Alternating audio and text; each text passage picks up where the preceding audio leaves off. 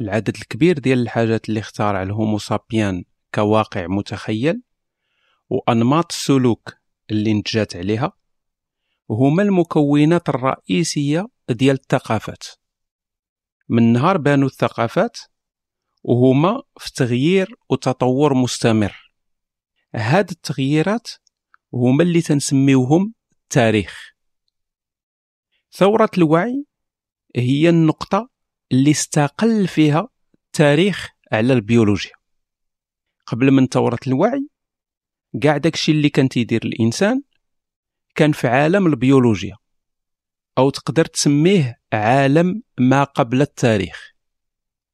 من بدات ثورة الوعي ولات الروايات التاريخية هي اللي تتفسر التطور ديال الهومو سابيان في بلاصة النظريات البيولوجية.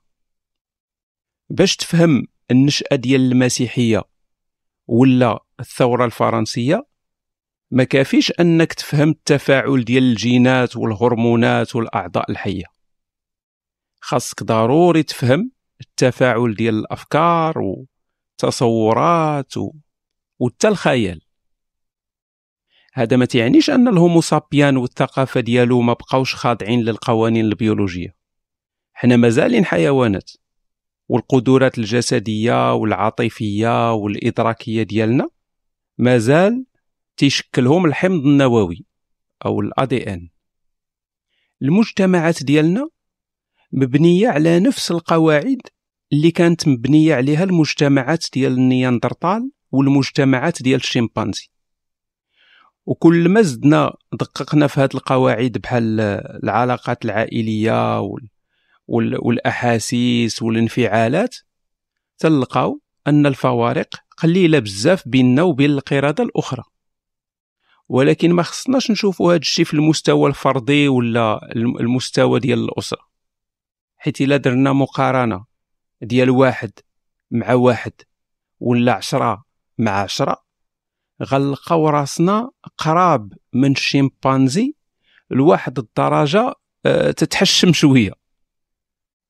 الفروق الكبيرة تتبدأ تبان من تنفوتوا الخط ديال 150 فرد.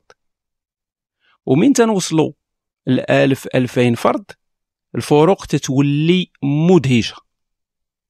إلا حاولتي تجمع آلاف ديال الشيمبانزي في شي بلاصة بحال وول ستريت ولا الفاتيكان ولا مقر الأمم المتحدة.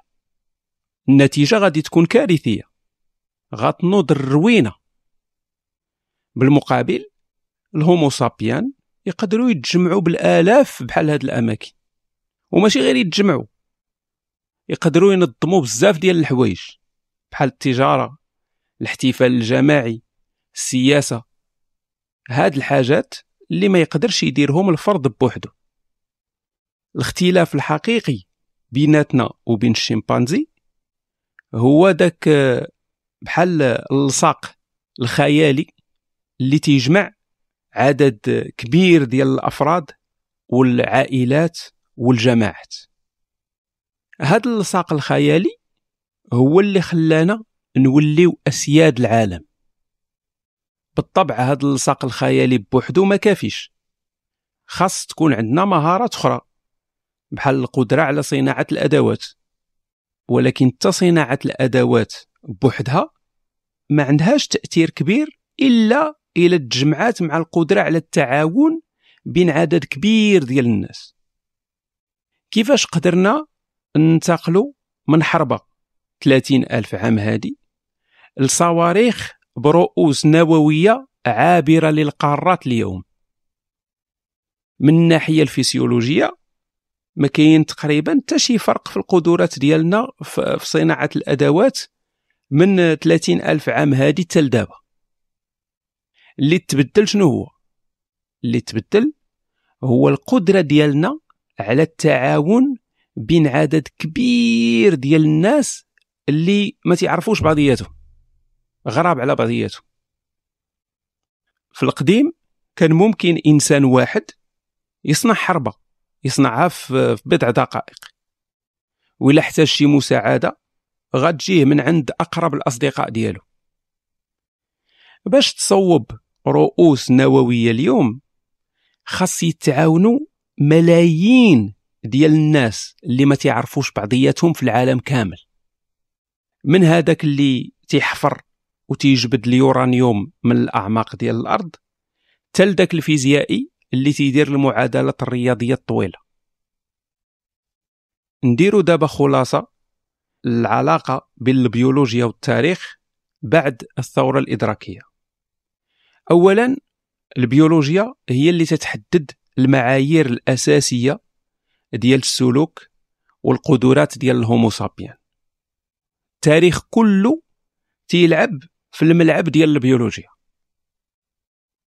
ثانيا هاد الملعب ديال البيولوجيا كبير بزاف. كبير بزاف لدرجة أنه عطى فرصة للإنسان أنه يلعب لعب كثيرة ومتنوعة. وبفضل القدرة على اختراع الخيال اللي طورها الهومو سابيان هاد اللعاب زادوا في التعقيد ديالهم.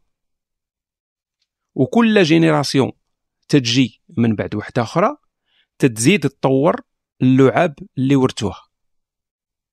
النتيجة ديال هذا الشيء هو أننا باش نفهموا السلوك ديال ال Homo sapiens خاصنا نرجعوا للتطور التاريخي ديالهم.